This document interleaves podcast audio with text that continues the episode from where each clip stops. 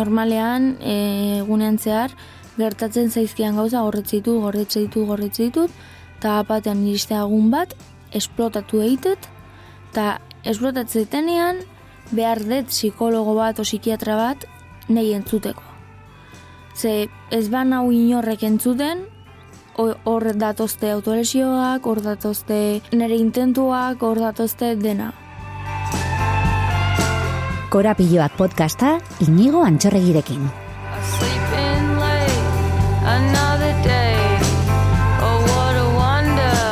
Oh, what a waste. Erika Rio, ongi etorri. Eskerrik asko. Gustatzen zaizu elkarrizketa ematea?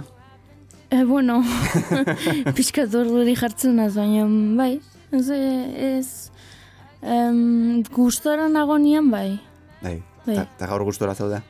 Bai, bai, e, lehengokua inda eta gero, bai, Guazen hasierara Erika. bai. Ez da gai erreza. Baina iritsiko gara gai horretara, baina horretarako nik uste dut ondo dagoela zure bizitza hitz egitea. Bai. Hasi gaitezen haurtzarotik. Bai, Eskolan bullyinga egite zizuten. bai. Ze pasatzen zen?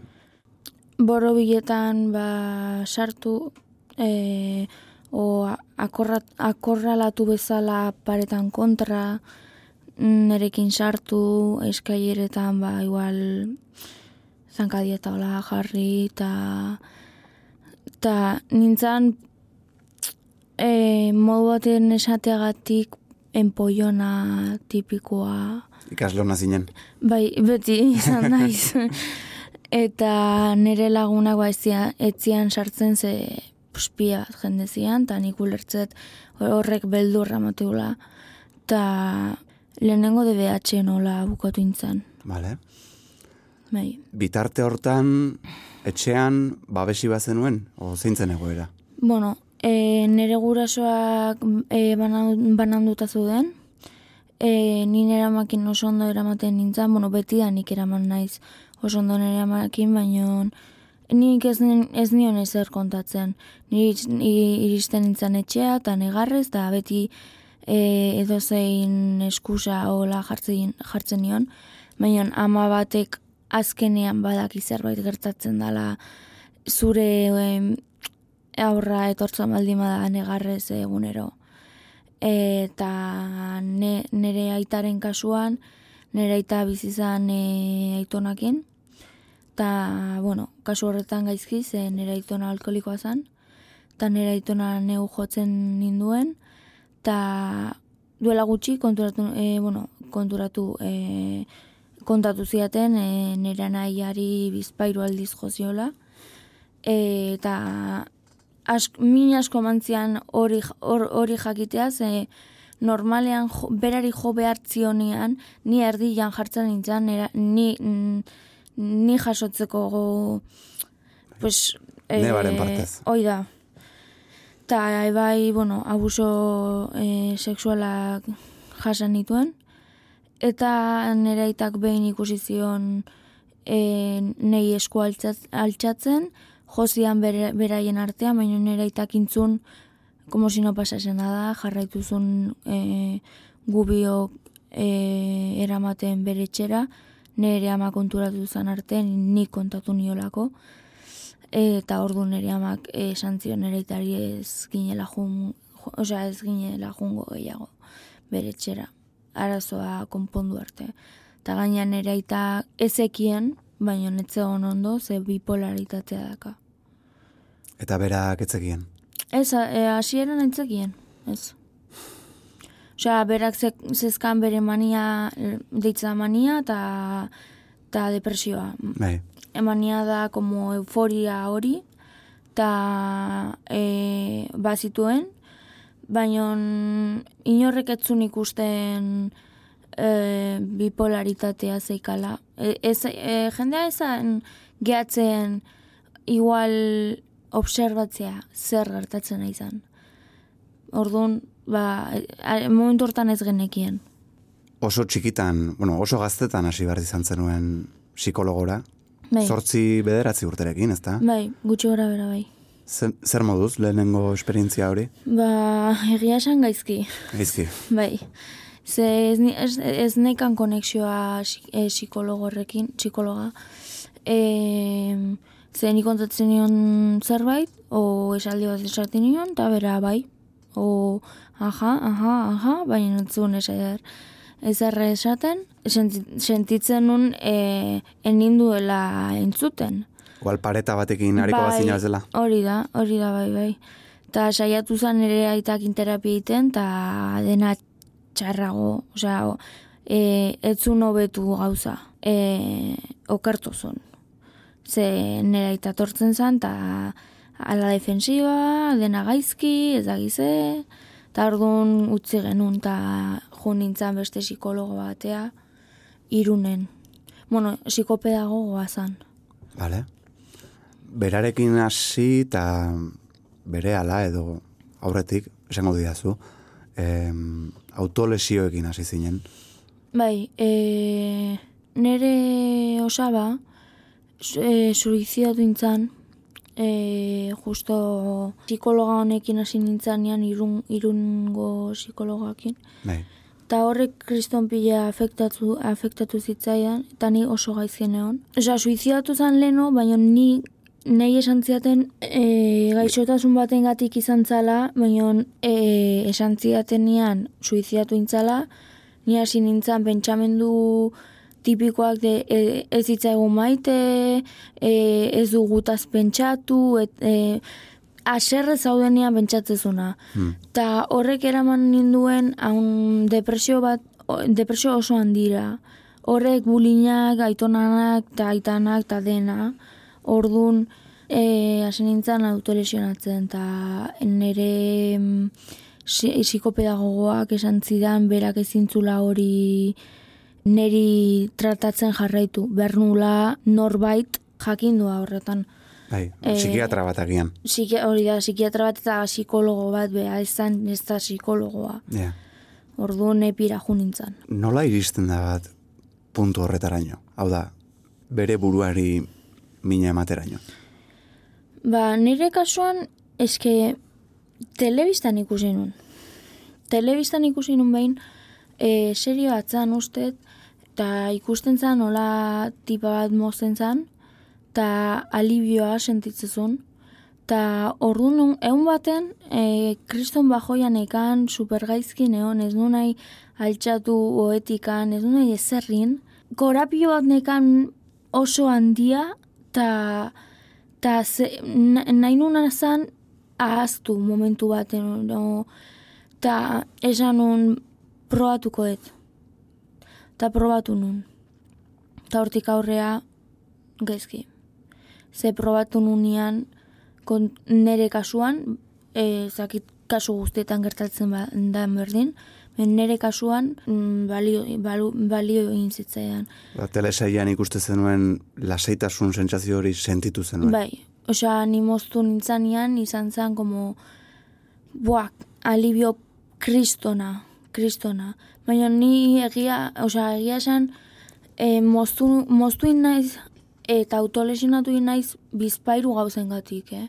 Hmm. Osea, hasieran zan horregatik, gero bai izan da zigortzeagatik, gero bai izan da suiz, intento suizidio. Osea, bai, bizpairu gauzengatik izan da autolesioena. Lehen epi ai- aipatu duzu, Bai. hau da aurretan eraben, bueno, unitatea, Bai. psikiatria unitatea, ospitaleratua ere izan zinen. Bai, e, a- agudo zen, bai. Infanto juvenilen. Zer moduz lehenengo egonaldia? Gaizki. Ez dakit zenbat hilabete egon nintzen, baina desente, eta pasanitun hilabete guztiak negarrez. Ze ez nun ulertzen. Zer zan leku hori, inorketzian esplikau, santziaten ingresatuko zu eta ingresatuko zu, ni, bueno, ingresatuko dut, eta ni nekan ideia bat, eta ezan, et, et, etzan nere ideia. Eta ez nun ulertzen, zein ba, ze gaina, ingresatu nun ez depresioa eta autolesioen gati bakarrik, baizik eta nekalako trastorno alimentizio bat. Mhm. Oso gutxi pisatzen nun, eta ez nun jaten, eta, bueno, an- anorexia en resumen. Bai. Ta e, gaizki pasatzen duen jaten, eta gaina denbora guztin negarrez. Gero beste sei e, ingreso euki ditut, Guztira zazpi. guz, bai, guztira zazpi, eta mm, desberdina izan da, bigarren ingresoan jabanekin noran joan, eta ordun ja ez negoen negarrez denbora guztien. Terapiari dagokionez, astean bitan joaten zinen. Normalean, bai, aber, ba, zeuden asteak igual behin juten itzania. Baina psikologan gana, bai, e, asko arraroa da, baina psiko, e, tokatu zitzaidan psikologoa oso implikatua zegoen nere, nere, nerekin, osea, bai, bi, bi, bi aldiz asteetan o behin gutxienez ikusten nion. Berari, eta psikiatrari ikusi ik behar baldin egun bertan, e, berak esatizian orain ikusiko iozuta, bertan ikusten nion. Baina, klaro, alako batean urteek aurrera egiten dute, ja ez zara aur bat, zara nerabea, heldua zara, mezortzi urte bete, eta ze gertatu zen? Ba, eraman nura la hostia del siglo, osea, ze sartu nintzen CSM-an, e, Centro Salud Mental, barkatu, Da, ere. Em, ta hor, eman ziaten zita psikiatrakin, ta egon nintzen berarekin hitz egiten, ta bukatu genunean, bapatean esatit, bale, ba emango izut zita, ta bapatean esatit, urrengo hilabeterako ez dakitzegun, eta ni flipatzen. Ni nola urrengo hilabetea. Ta psikologa berdin urrengo hilabetea, eta erizaina urrengo hilabetea.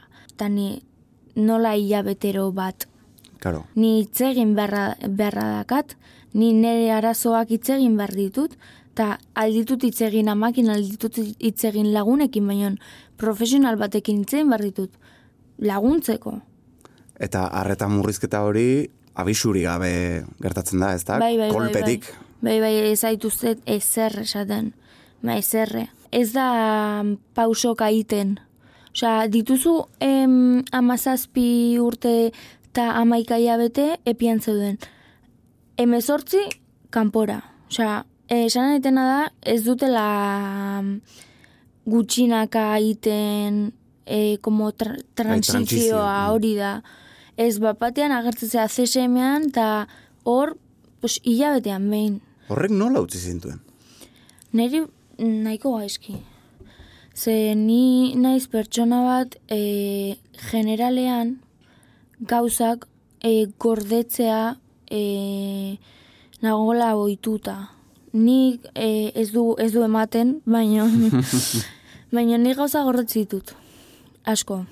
Normalean, e, egunean zehar, gertatzen zaizkian gauza gordetzi ditut, gordetzi ditut, gordetzi ditut, eta batean iriste egun bat, esplotatu egitet, eta esplotatzetenean behar dut psikologo bat o psikiatra bat nahi entzuteko.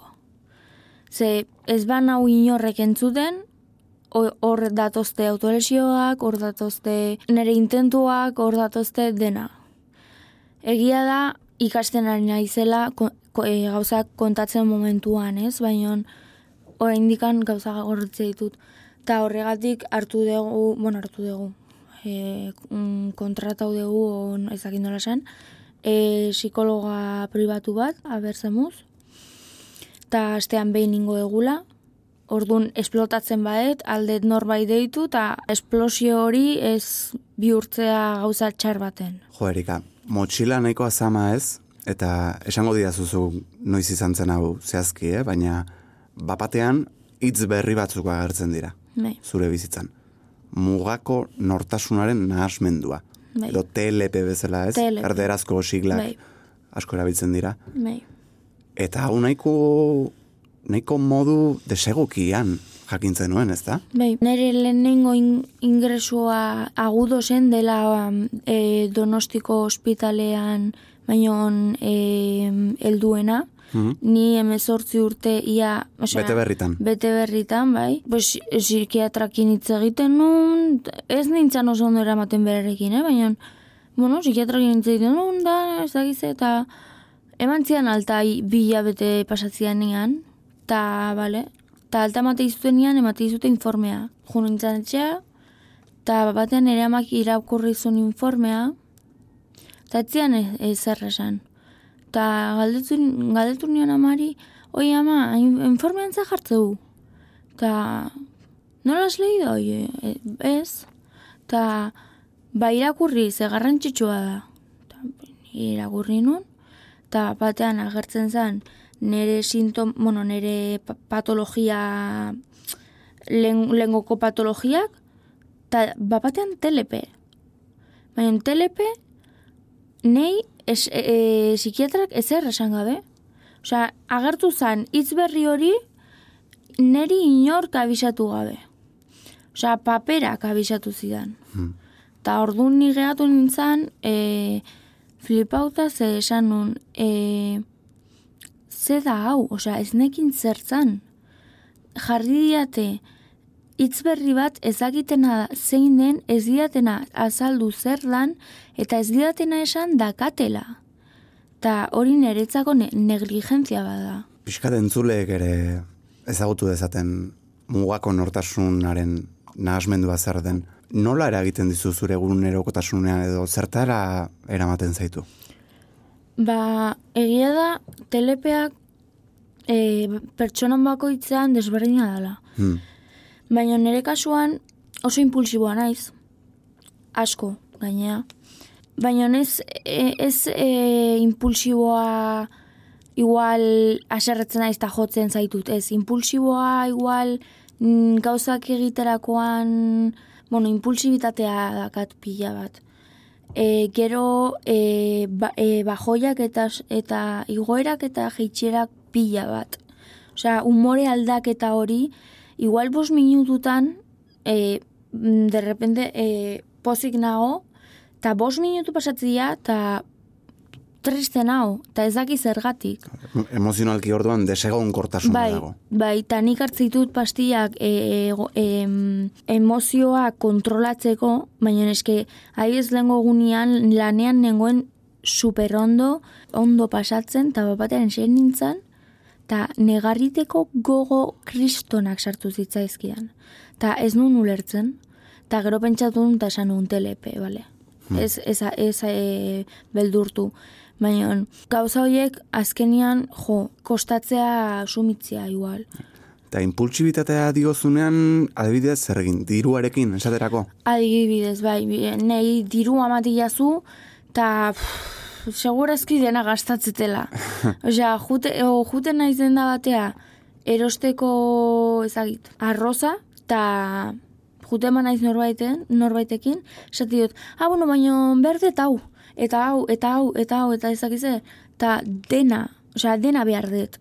Hori da impulsibitatea, mm. dena behar dutela, eta, haibez, gaur kobratu indez, eta ju nahi dut e, kutsara ateatzeko gutxienez e, kobratu duten erdia, sobre baten sartzeko eta gordetzeko ze bestela gastatu bet guztia eta ez den nahi. Orduan hori, bai, diruakin pila gertatzen zait, eta ta gaina oso normala da telepedakazunean, diruan kontua, bai, Aizu, talde terapia aipatu duzu. bai, Horrek honek ingo dizu ezta, kriston pila, bai, zeuk aukeratu deitzen da, bale? e, da agifesekoa, Bai? eta mm, e, bueno, berri, e, berria da asuntua, eh? Teitegu astean behin, lehen duen bitalde, baina nola jun, juntzian batzuk eta gutxi geunden talde bakoitzan ba elkartu ditugu. Eta oain bus, gaude pixkat ezagutzen gure artean berriz, baina oso ondo egiten dit. E, psikologoak e, nekane, mm, netzako kriston psikologa ona da, eta asko laguntzen nau, eta gaina juten banaiz leno e, arazoa bal- bat baldimak atelak o edo zer gauza, beak laguntzen nau, eta ez hitzaileak bai, pis- kri- kristonen pila laguntzen nau, eta berarekin geratzen naiz batzutan, eta oso ondo. Bueno, de hecho, bihar geratu naiz berarekin, kafe bat hartzeko, eta nire mierda kontatzeko, eta desahogatzeko pixka bat. Oso ondo. Galdera zaigena agian hau da, eh? Baina egingo dizut. 2008 hasieran atera zinen zure azken ospitaleratzetik. Bai. Zer modu zaude gaur egun? Bueno, atean nintzen otxaiak ama zazpian. Gaur egun e, nago, ez nago nire etxean bizitzan. ze nire amak esan zian ezin nula buelta hoitxea, ze, bueno, erabakia nire amana izan zen, baina nik ulertzen dut, Hmm. ze nire amane e, oso nekauta dago, eta gure konbibentzia o, mm, zaila da, Baina harreman honak azu ez da. kriston ona, osea, harreman kriston ona dakagu, baina konbibentzia ez. Ezin dugu batea konbibitu, ze bronkatan gaude denboa guztien. Orduan, pues, lagun baten etxea juntzan, oi, oi hartzunea. Em, eta hasi nintzen lanean, duela hilabete eta hamar egun, o hilabete eta gutxi, eta lanean ondo, baina negia da, eta nintzanean, euforik, euforik atean nintzala, Hmm. en plan dena nahi dut, dena lortuko dut, zagize lana, ta, e, karneta, eta zagize, hola, dena superrondo. Ta duela bizpairu aste, ba, joia sartu zitzaidan, arazo bat eukinu mutilo batekin ebai, e, bastante jebia gaina, e, ez dakit, ju nintzen beraka, ez dakit, ze- ez dakit zergatik, eh? E, saiatzen nahi naiz berriz goraka juten. Baina negia da pixkat flojilla nagola orain. Baina, bueno, nik badakit nire prozesua ez dela zuzena. Dala gora, bera, gora, bera, Errusiar mendi bat ez da. hoi da. Ta hori onartu behar dut. Ta bera, beraka doanian jakin behar dut gora berriz juten. Ta, ta hori.